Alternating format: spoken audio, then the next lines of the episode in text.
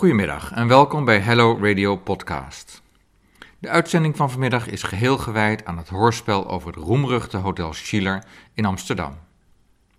Voor het scenario en regie van deze luisterserie in acht delen van een half uur tekent Marjolein Bierens, een vrouw die inmiddels een fraaie reeks drama- en luisterproducties op haar naam heeft staan.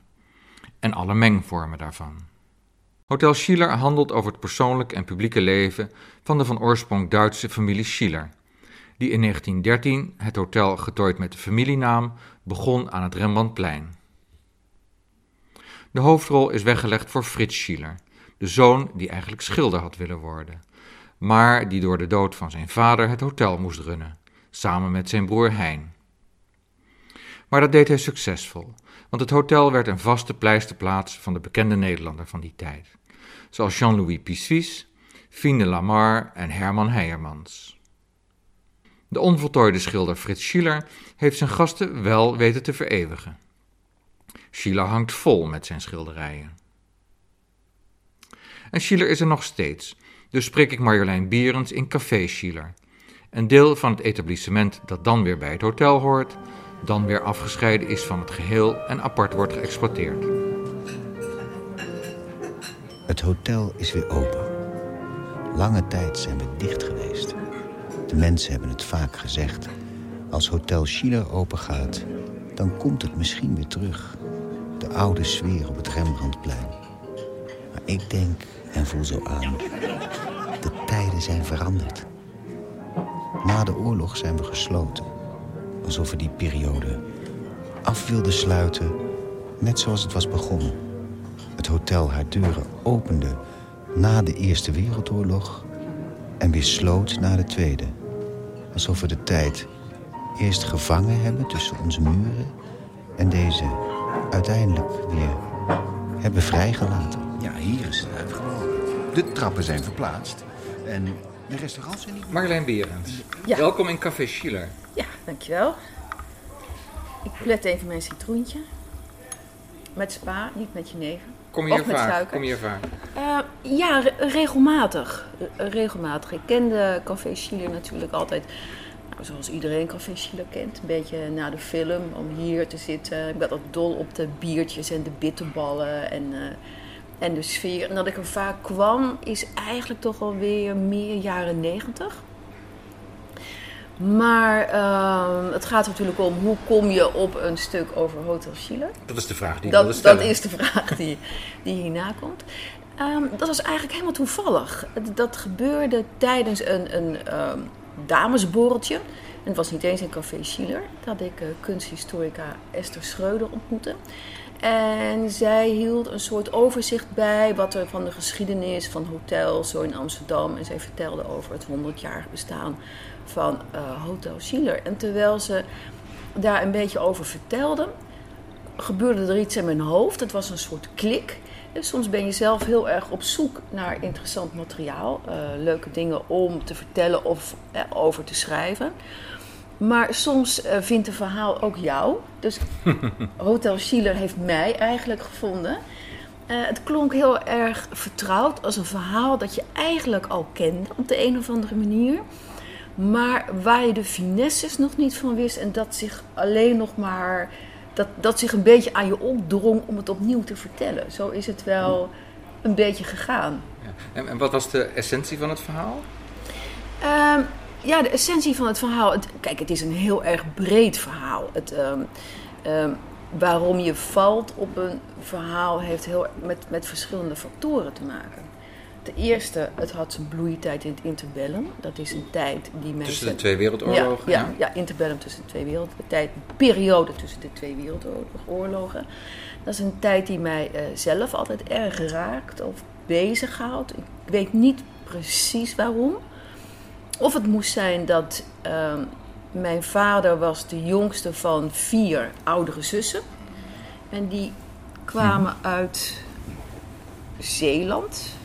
En ze, ze hadden een, eh, daar hadden ze vroeger het land verloren en waren naar Rotterdam getrokken. En zij vertelden altijd over oude familieleden, over mensen daar die waren achtergebleven. Dus als kind vond ik dat geweldig. Ik vond het heerlijk als mensen de moeite namen om mij verhalen te vertellen. Over vroeger. Over vroeger, over mensen die ik ook helemaal niet kende, maar die op de een of andere manier heel erg tot, op mijn, tot mijn verbeelding eh, spraken. En dan kwamen daar wel eens en dan kon ik die verhalen helemaal niet rijmen met die kleine mensjes die dat waren geworden.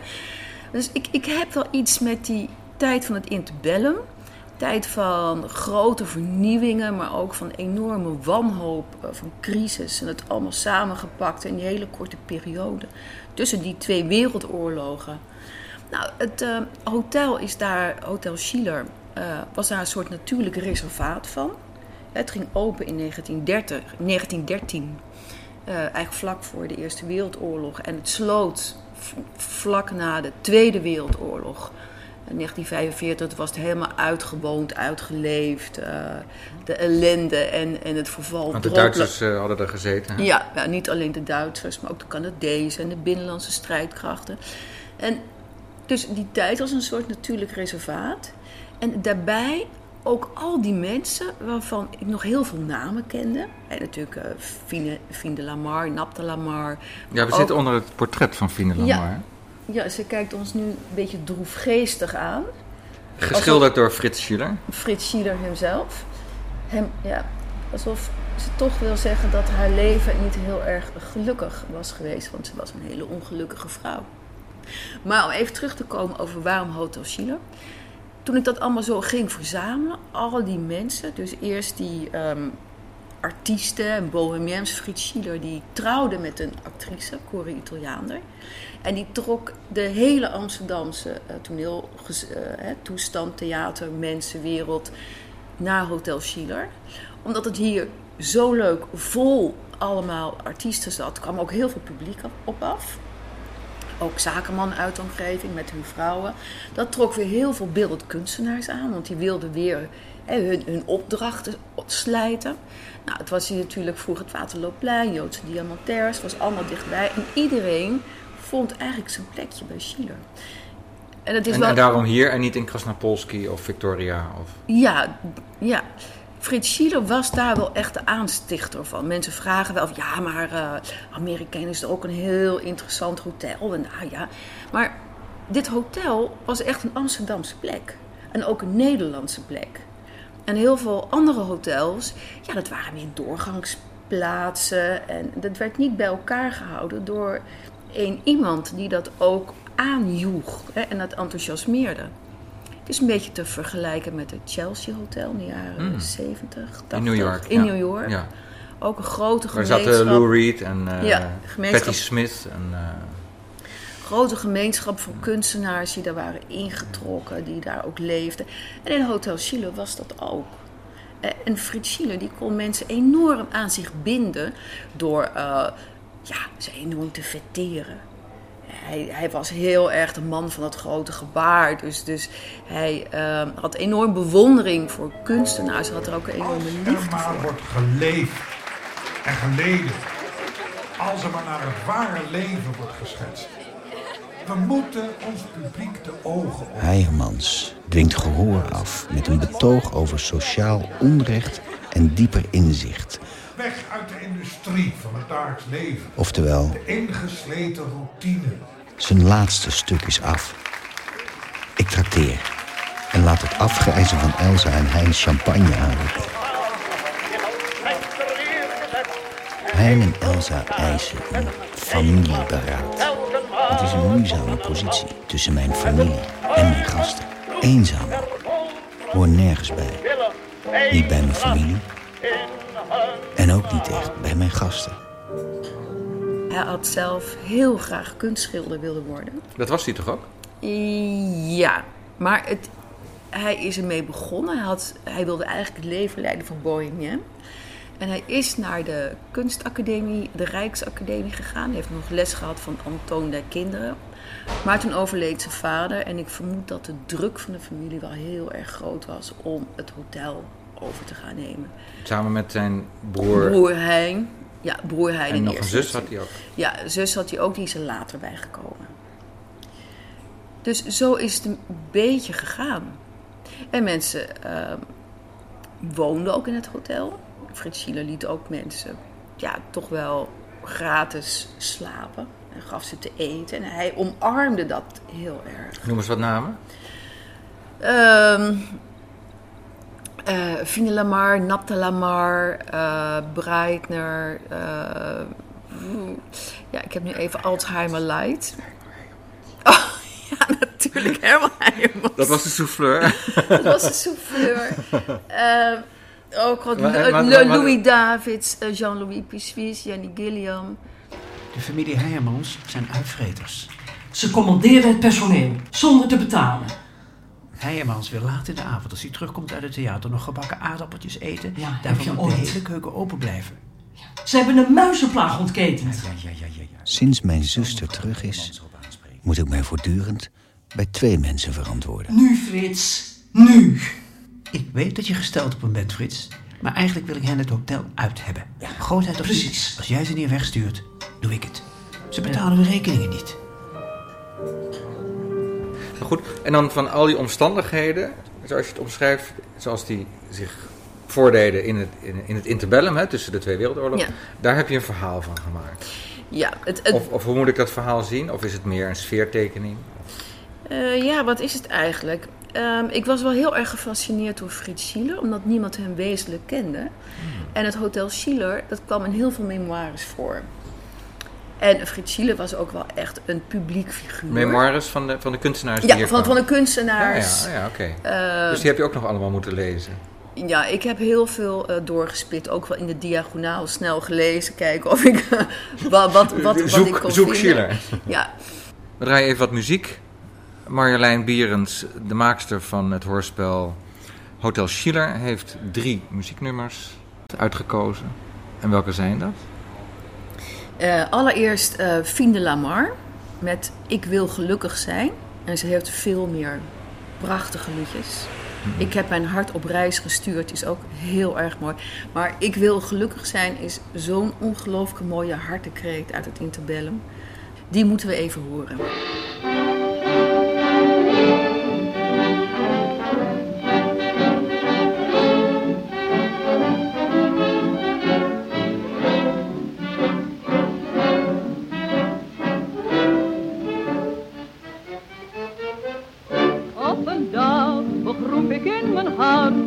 Stille liefde.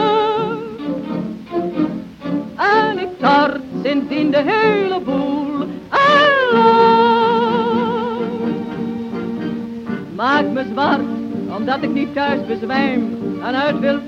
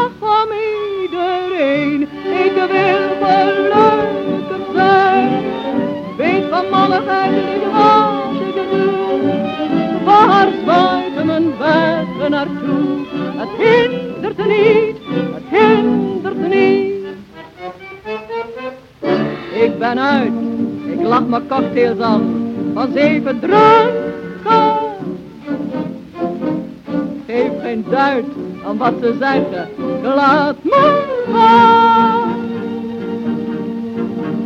Ik ben uit en niet voor mijn verdriet, ik zou je danken. Ik loop geen plekje mis, want het leven is nog zo kwaad nog niet. Ik wil gelukkig zijn, ik wil dansen tot ik niet meer kan. En al word ik er draaierig van, hindert niet, hindert niet. Ik wil gelukkig zijn, ik zoek mensen en gezelligheid. En dan heb ik later spijt. Dat hindert niet, dat hindert niet.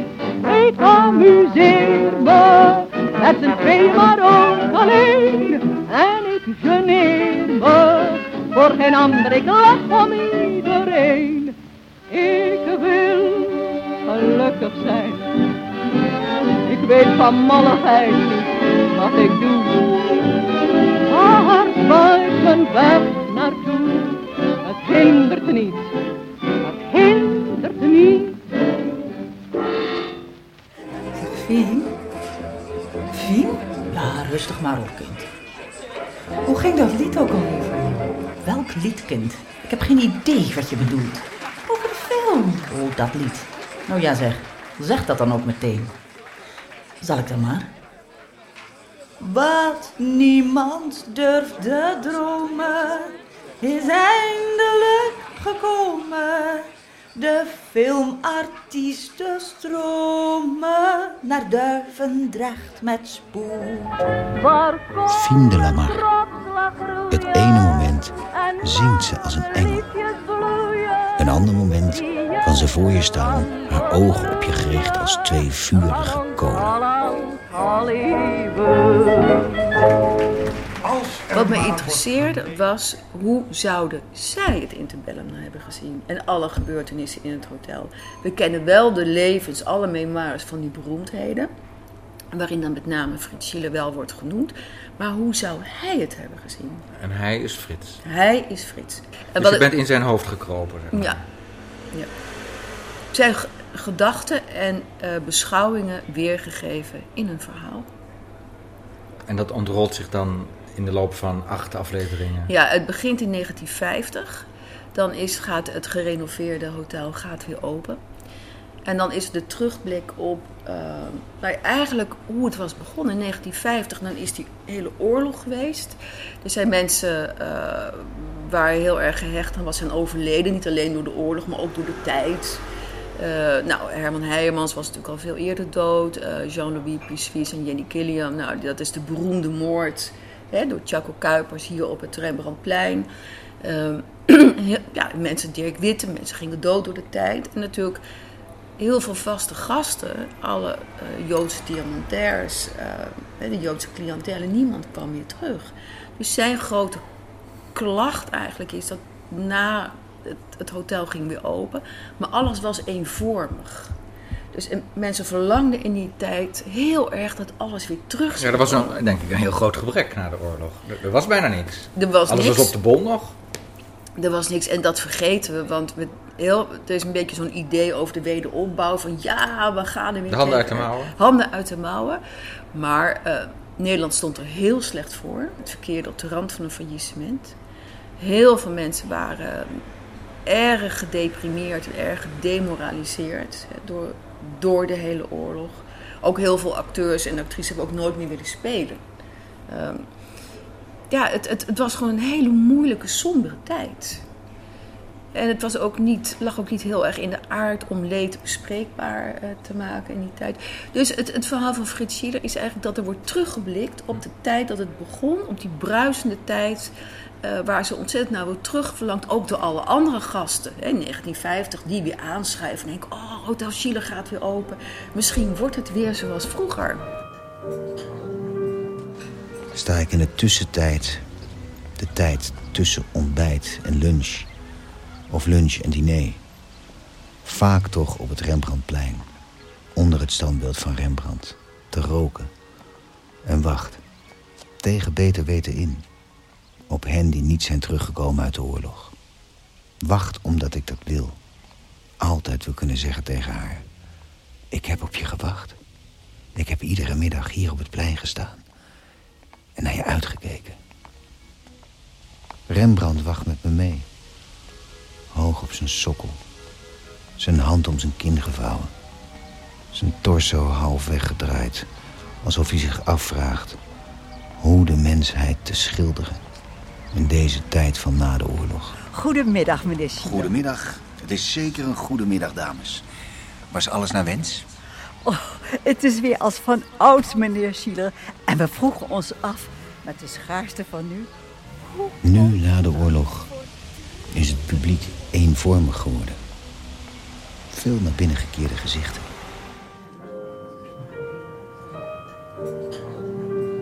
Ik heb drie afleveringen gehoord. Mhm. Ik vind alles nou een beetje weemoedig. Het is een beetje het hotel van de weemoed geworden. Nou, de terugblik is weemoedig en dat zit hem ook in hem. En in latere afleveringen ga je horen waarom dat zo is. Hij heeft zelf ook een groot verdriet. Ah, maar dat, komt dat ook bijvoorbeeld omdat hij eigenlijk schilder had willen zijn? Bijvoorbeeld. ook een vorm van weemoed. Of bohemien. Nou, het, het terugblik is eigenlijk, ja zeker, zeker vanuit verlies. En, en de weemoed hoort daar een beetje bij. De weemoed is natuurlijk ook de aanjager om al die herinneringen eh, op, te, ehm, op te rakelen en niet kan stoppen met denken. Dat zegt hij steeds. Hij wil niet in het verleden leven in zijn hoofd, maar hij wil naar het heden. Maar in de weemoed leef je in andere werelden, leef je in een andere verdieping in je hoofd. En je zou niet zoveel herinneringen kunnen koesteren ja, als je niet weemoedig bent. Hè, als ehm, gemoedstoestand. En ik maak een groot verschil tussen sentimenteel, dat is iets anders. Hè, maar weemoedig is echt dat je de pijnkant wil voelen van het leven, maar daar ergens ook van geniet. Ook de schoonheid kan zien van verdriet. Van dat wat ooit was en wat zo bijzonder was en wat je toen misschien eh, niet had gezien, maar het ging zo snel voorbij. En je bent ook weer moedig als je het gevoel hebt in je leven met lege handen te staan.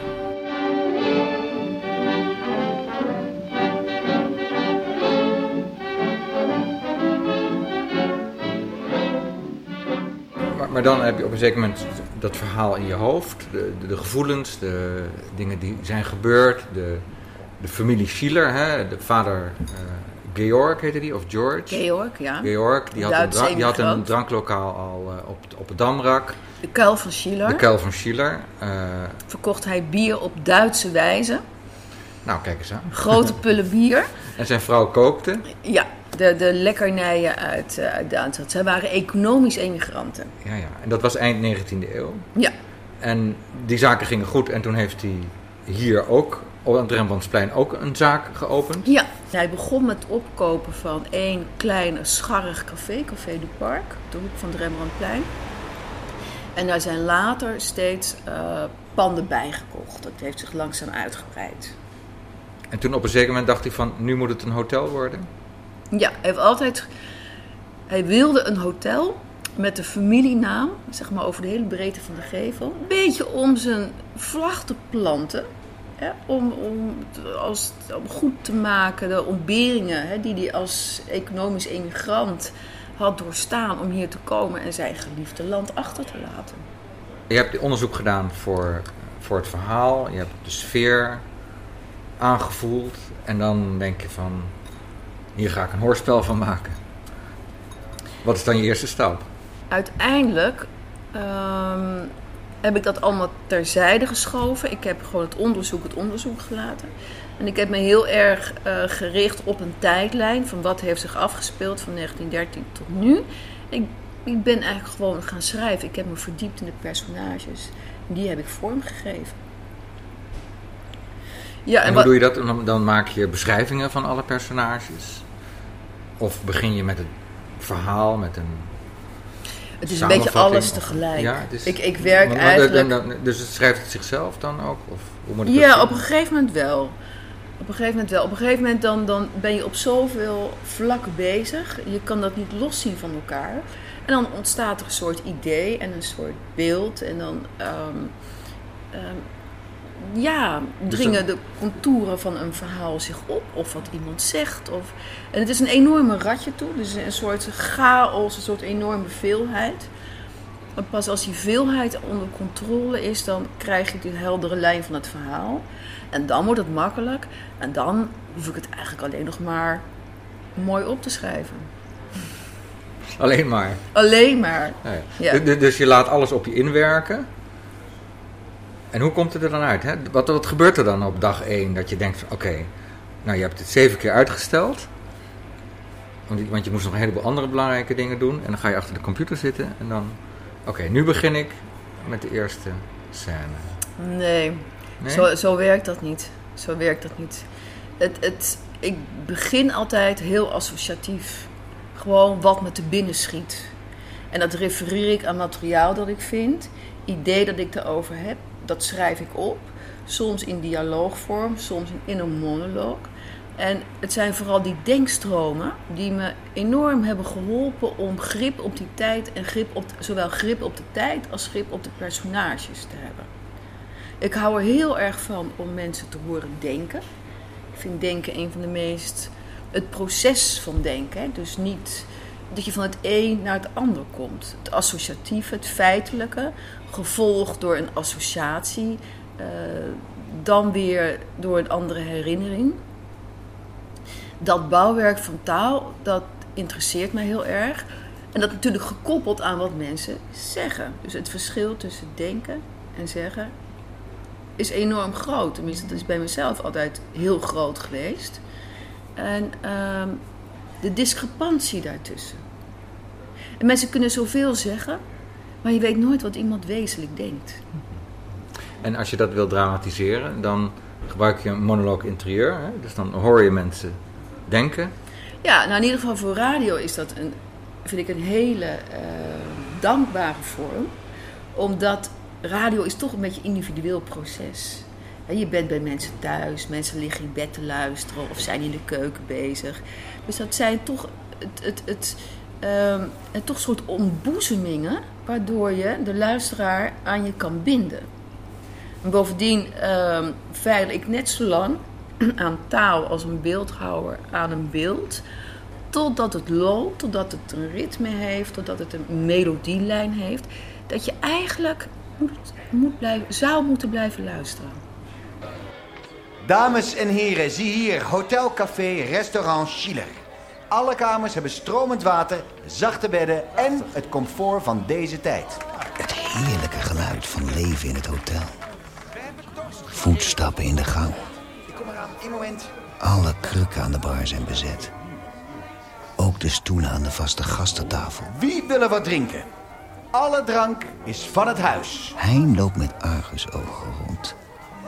Hij zet het meubilair recht dat scheef staat. Hij zet alles recht dat scheef staat. Jij verteert hen. Geef dat geld weg van onze ouders. Dit moet stoppen. Als ze het hier leuk vinden, Hein, dan komen ze terug. Nee, Hein, luister. Na de voorstelling wacht buiten altijd publiek. En die willen gaan waar zij gaan. De straten van de theaters hier bij het Rembrandtplein zijn vol mensenmassa's. Die bewegen zich voort, proberen kaartjes te bemachtigen. Er is veel volk op de been. De theaters worden platgelopen. Ja, ja, ik kom, ik kom. We luisteren weer naar een stukje muziek, uitgezocht door Marjolein Bierens. En dat is, Marjolein? Eh, dat is een eh, lied van Marlene Dietrich uit eh Der Blauwe Engel. Ich bin von Kopf bis Fuß. Aus Liebe eingestemd. En De Blauwe Engel, eh, dat was een hele bijzondere film. Dat was namelijk de eerste echt sprekende film waar alles samenkwam. En een verhaal, en ehm, eh, beeld, en ook gesproken, gesproken taal.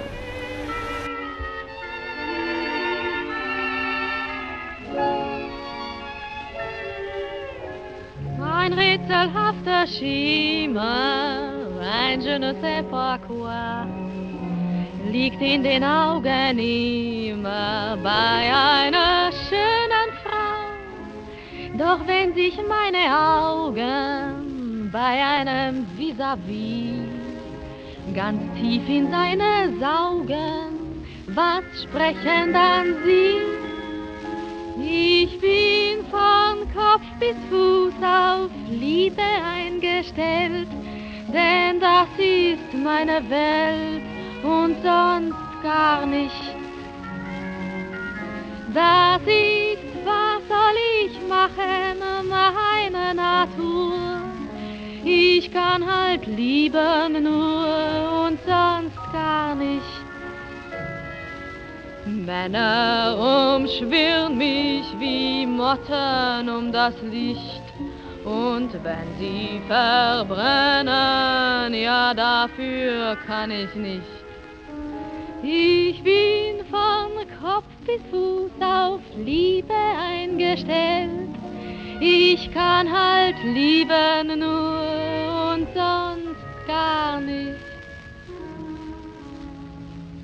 Was bebt in meinen Händen in ihrem heißen Druck? Sie möchten sich verschwenden, sie haben nie genug. Ihr werdet mir verzeihen, ihr müsst es halt verstehen.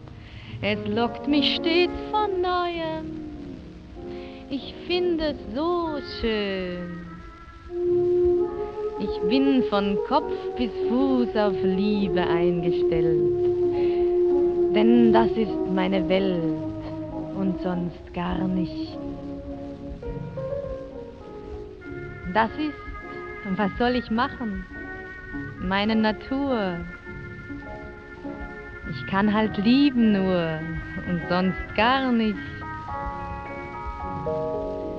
Männer umschwirren mich wie Motten um das Licht. Und wenn sie verbrennen, ja dafür kann ich nicht. Ich bin von Kopf bis Fuß auf Liebe eingestellt. Ich kann halt lieben nur und sonst gar nicht.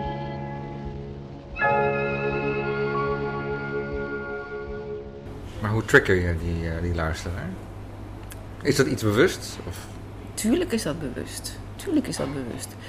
Ehm, dat trigger je door je tekst zo toe te spitsen dat je de essentie raakt. Dat je zelf door iets geraakt bent in je eigen tekst, maar weet dat de ander ook geraakt is en de luisteraar ook. Dus het raakt jou ook? Het moet mij raken. Het moet mij raken. Als het mij niet raakt, zal het nooit de luisteraar raken. Dus het leven van Frits Schiller heeft jou geraakt? Ik heb me zo in hem verdiept dat het mij diep heeft geraakt. Ja. En niet alleen van hem, maar sowieso van alle mensen waar ik over schrijf. Je, je moet intens van je personages houden of ja, je mee vereenzelvigen is niet helemaal het juiste woord, maar er vloeit altijd iets van jezelf over in mensen over wie je schrijft. Nou ja, misschien ook letterlijk, hè? want wat die mensen werkelijk dachten en werkelijk hebben gezegd, dat weet je niet. Nee, dat, dat weet dus je dat niet. moet je een beetje reconstrueren. Zo van, hij zou het gedacht kunnen hebben, hij zou het gezegd kunnen hebben. Dat is iets wat ik me wel heel vaak afvraag. Eh, kan dit kloppen? Ehm, het zou waar kunnen wezen. En natuurlijk gaat het nu over drie kinderen Schiller. En je spitst, je, je veilt natuurlijk ook aan die verstandhouding, zodat het ook interessant is hoe ze zich ten opzichte van elkaar verhouden. En daarvan weet ik in grote lijnen wel dat dat klopt, maar of dat werkelijk zo is, dat weten we niet. Nou, toevallig, ik heb wel heel veel informatie ook van ehm, Bob Schiller. Bob Schiller was de kleinzoon van Hein. Hij luistert mee en hij zegt: Ja, tot nu toe heb ik je nog niet op onwaarheden kunnen betrappen. maar dat kan hij toch ook niet weten? Precies, hij weet het ook niet. Maar hij staat altijd weer dichterbij. Maar gevoelsmatig weet je of dingen kloppen. En dan ben ik wel, wil ik heel trouw zijn aan hoe mensen waren. En, en dat vormgeven. Ik zal nooit met iets op de loop gaan of zo. Of, of daar weer een heel eigen ding van maken. Ik probeer me toch zo goed mogelijk naar iets, naar hun of naar de tijd, vooral ook de tijd, te voegen. Wanneer was het ook alweer? De allereerste opening van het hotel. 1912? 1913? Voorjaar was het. De dagen begonnen te lengen. En dan verder terug onze jeugd. In de vorige eeuw. Ik herinner me paarden, koetsen, de tram. Ik droeg een korte broek. Een lederhozen. Lange wollen kousen. Mijn zuster Elsa schoenen zonder tenen. Om het lopen met de grote zware bladen te vergemakkelijken. In het dranklokaal, dat de kuil van Schiller heette. En dat mijn ouders pachten ergens rond 1900.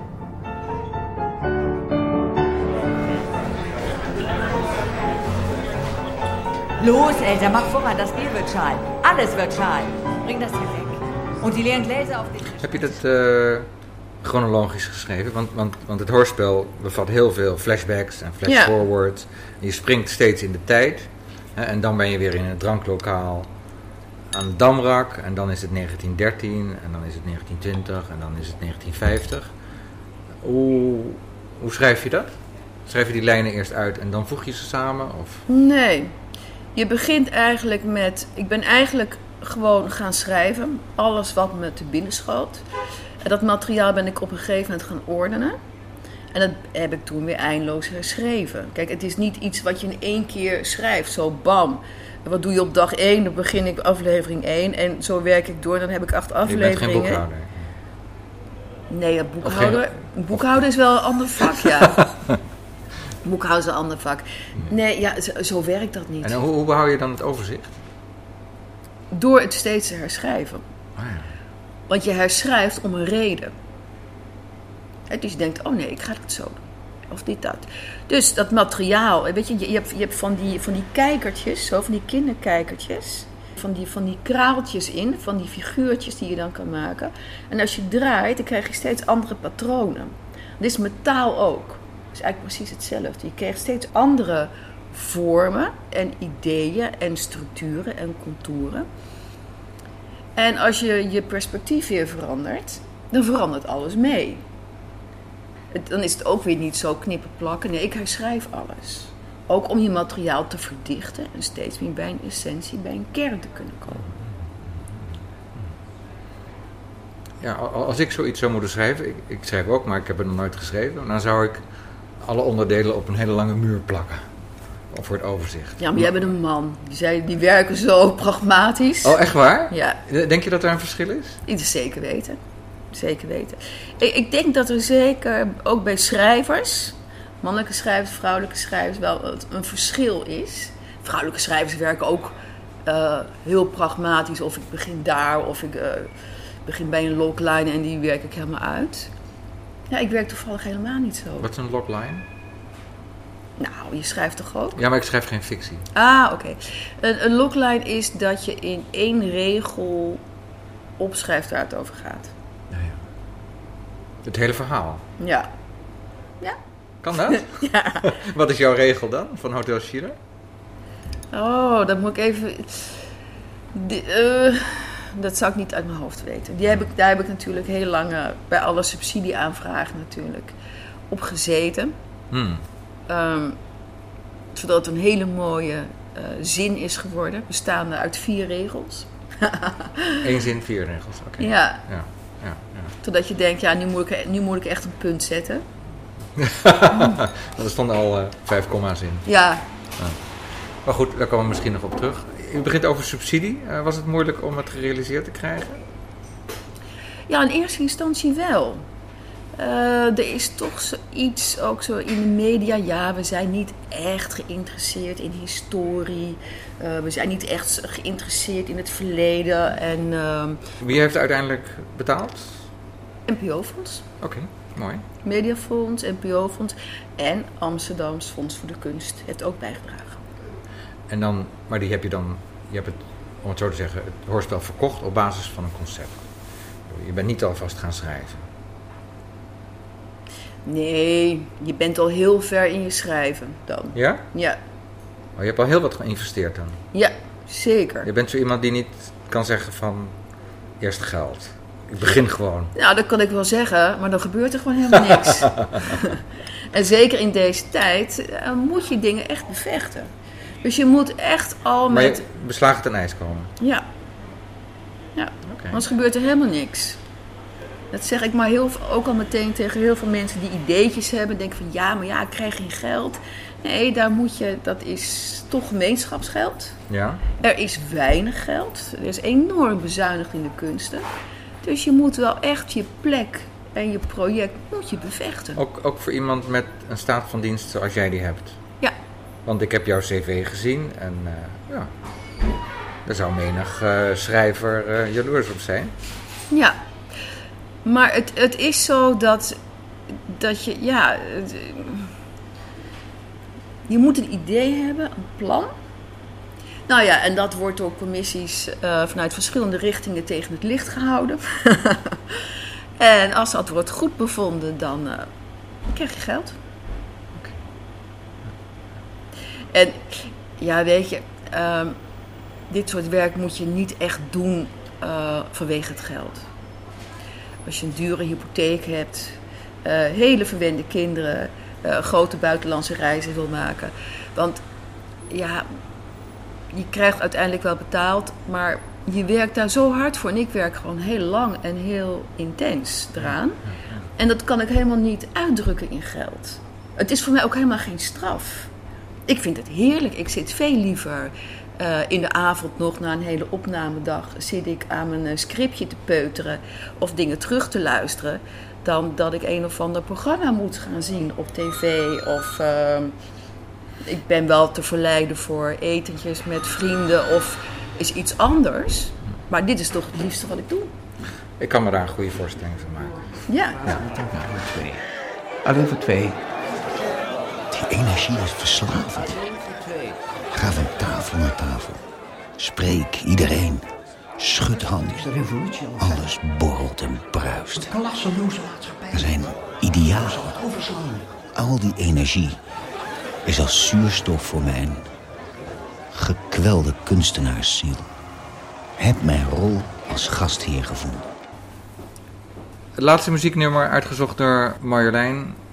heb ik eigenlijk eh, twee nummers. Dat kan natuurlijk niet, maar je mag zelf kiezen. Eh, dat is een nummer van Jean-Louis Pissuis. En ehm, schreef prachtige liedjes vroeger. Een hele beroemde is Het Wijnglas, met het wijnglas in de hand. Dat gaat over eh, de ontberingen van de Eerste Wereldoorlog. Eh, hoe mensen crepeerden en hoe anderen daar schandalig rijk door, van, door werden. En het andere is natuurlijk, maar dat is wel bekender, is Mens durft te leven. Maar dat is niet, niet van Jean-Louis Pissuis. Dat is wel van jullie. Ja, die heeft het gezongen. Die heeft het gezongen. Maar de schrijver is... De schrijver zal waarschijnlijk Dirk Witte zijn. Ja, ik geloof het wel. Fantastisch eh, lied. Een van mijn lijfnummers. Oké, Dus dat gaan we draaien. oké. In welke uitvoering? Van Jean-Louis Pissuis Niet, niet van Wende? Dat mag jij zeggen.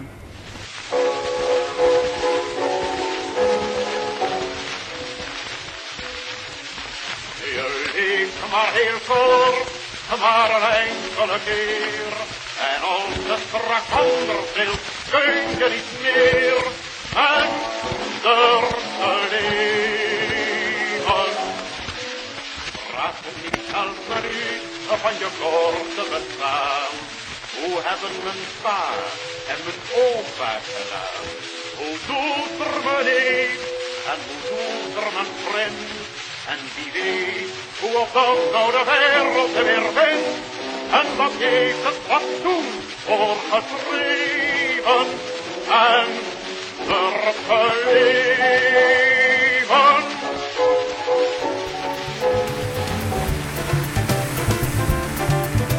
Je leeft maar heel kort, maar een enkele keer. En als je straks anders wilt, kun je niet meer.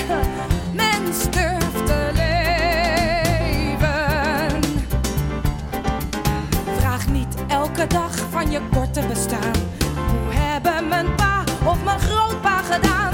Hoe doet er mijn neef of hoe doet er mijn vriend? En wie weet hoe of dat dan de buurman weer vindt?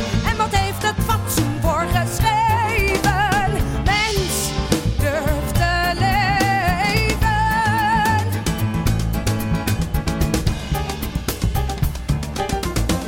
De mensen, ze schrijven je leefregels voor. Ze geven je raad ze roepen in koor. Zo moet je leven.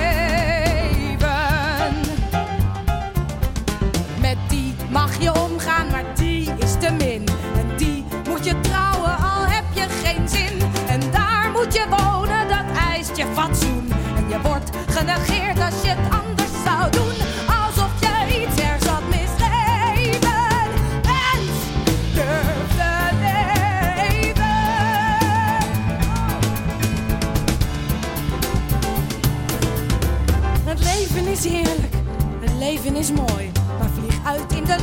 en kruip niet in een kooi. Mens durft te leven. Je kop in de hoogte, je neus in de wind. Een lap aan je laars, wat een ander dan vindt. Hou een hart vol van warmte en van liefde in je borst. Maar wees op je vierkante meter en worst. Wat je zoekt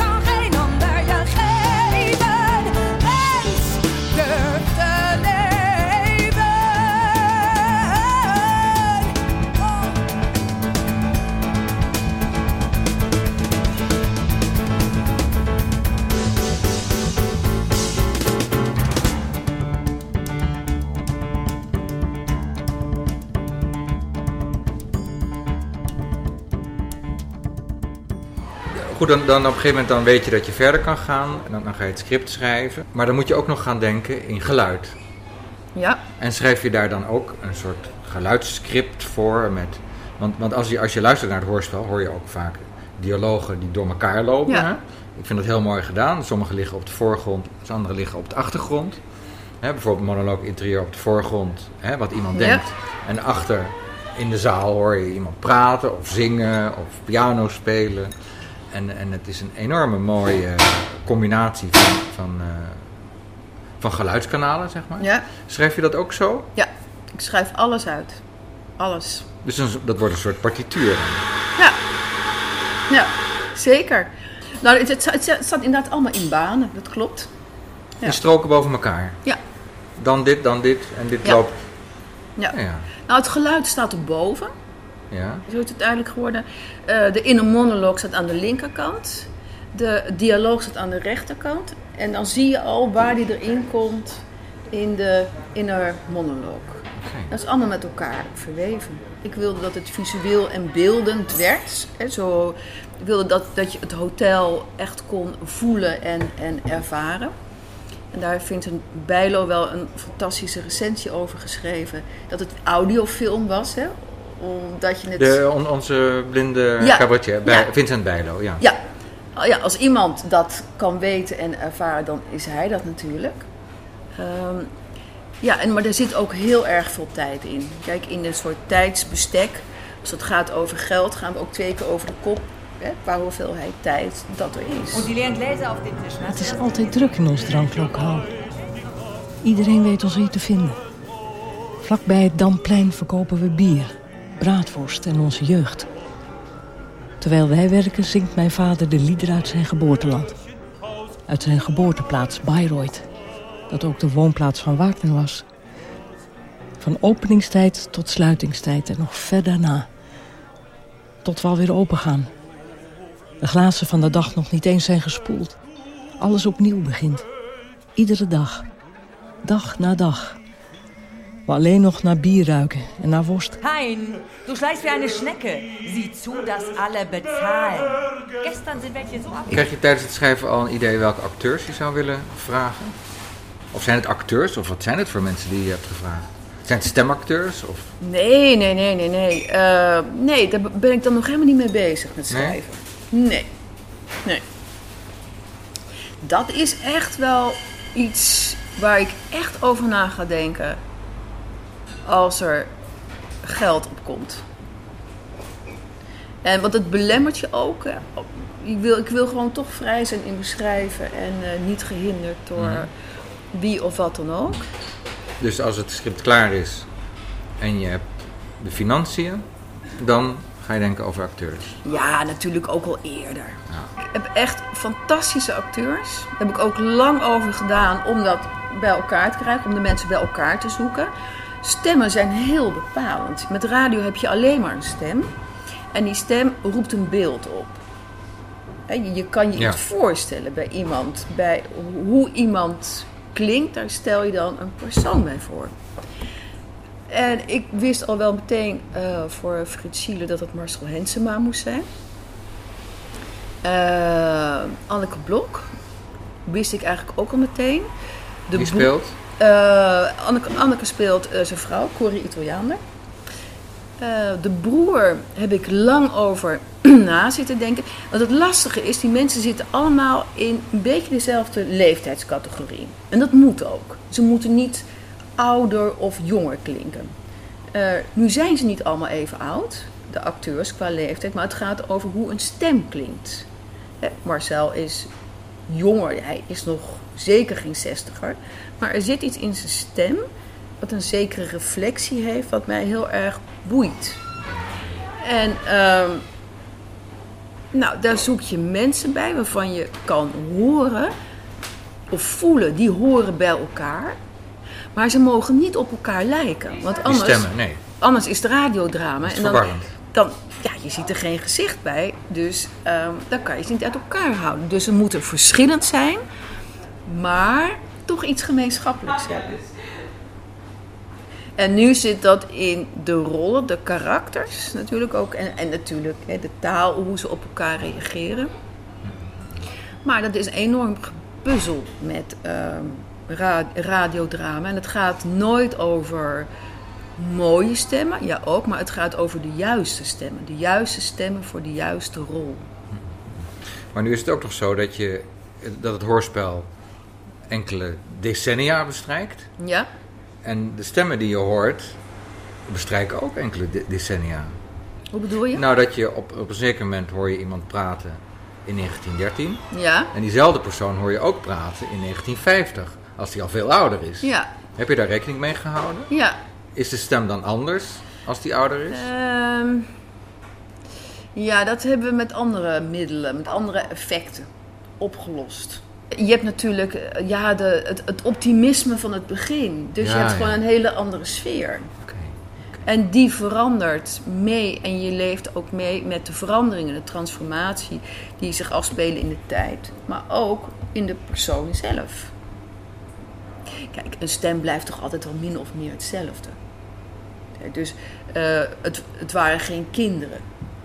Dus het, het waren, ja, hoe oud zouden ze geweest in het begin? In de 20? Ja, in de twintig. En nu zijn ze dan tegen de... nou, Zestigers? Tegen de zestig, ja. Ja, ja. En dat heb je natuurlijk zelf ook op een reunie als je mensen tegenkomt. Dat je ze toch herkent aan hun stem. Ja, ja, Hè, de manier van praten of het timbre. Of, eh, Dan denk je, oh ja, zo was ja, het. Ja. Zo, zo, zo was het. Zo Ja. was het. Dus een, een stem is, eh, is een heel bijzonder instrument. Ja, ja. En daarnaast ook zijn er sommige stemmen die zowel Duits als Nederlands moeten praten. Eh, nee. Nee, zit er niet bij? Eh, nee, de Duitsers. eh, het zijn echte Duitsers. Ja. Nee, maar er zijn geen Nederlanders die Duits spreken of Duitsers die Nederlands spreken. Ja, de familie Schiller, ehm, omdat ze een Duitse vader hebben en de Duitse identiteit toch op een gegeven moment eh, opspeelt, hè, meespeelt. Zij, spelen, zij spreken af en toe een beetje Duits.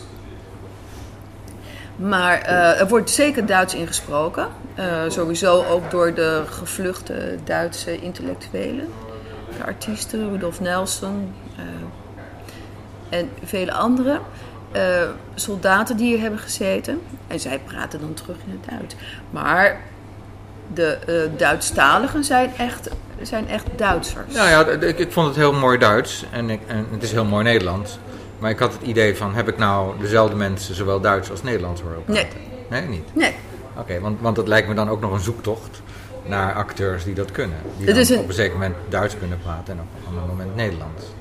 Nee, nee, nee, nee. Nee, nee, Eh, niemand spreekt, eh, de Duitsers spreken geen Nederlands. En de Nederlanders spreken geen Duits. Oké. Ja. Ja. Nee, we ik vind het zelf ook raar dat het zo is. Dat we niemand hebben kunnen vinden hier in Amsterdam of in Nederland die goed Duits zou spreken. Of goed genoeg om het soort Duits of het type Duits te vertegenwoordigen waarvan je denkt van, oh ja, dat is het. Dat moest echt uit Duitsland komen. En je moest die, die, die, die Duitse acteurs importeren. Ja. Ja, ja.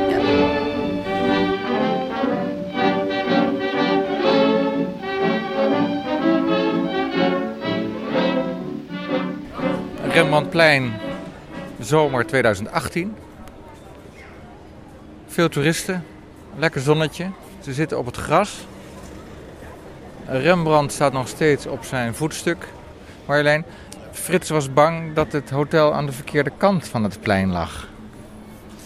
Eh, ja, al het vertier vroeger was aan de andere kant van het plein, aan de goede kant van het plein. Net zoals Er wordt nu tegen, oh, ja, ook nu wordt wel gesproken over de juiste kant van die en die gracht of de goede kant. Maar eh, hier was vroeger een park en het uh, standbeeld van Rembrandt stond op een hele andere plek. Daar is wel een beetje mee geschoven. En hier was vroeger nog niet eens verlichting. Dus het was echt een plek waar je niet kwam als je er niet moest zijn. Terwijl het helemaal niet zo'n groot plein is, dan denk je van ja, goh, wat maakt het uit die ene kant of die andere kant? Ja, maar hier stonden bomen, het was vrij donker. En uh, hier was helemaal geen verlichting. Dus in principe ga je niet naar een kant waar geen verlichting is, want dan heb je natuurlijk niet zoveel te zoeken. Als alles daar verder donker is. Ja. Laten we even naar het standbeeld lopen van uh, Rembrandt. Uh, hier onder het standbeeld speelt zich het een en ander af in het hoorspel. Dat uh, Frits altijd stond te roken. Oh, en dan zijn die monologen interieur, toch ja. ook? Ja.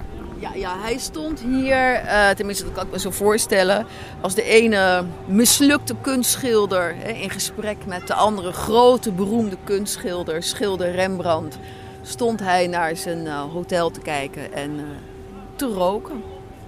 En dan, dan blikte hij even terug? Of... Ja, zo al mijmerend kwam hij van het ene op het ander. Maar ik, ik denk dat hij het ook kon zien als een groot kunstwerk. Wat het, schil, wat het hotel natuurlijk aan de buitenkant is. Kijk, en uh, op een gegeven moment, als alles het doet, als het loopt. Uh, de gasten hebben het naar hun zin, heeft iedereen gesproken. Ja, dan kan je natuurlijk wel even tussenuit om van je eigen creatie te genieten, toch? Dit was Hello Radio Podcast voor vandaag. Dank voor het luisteren. Voor meer informatie klik naar luisterdoc.nl en helloradio.eu.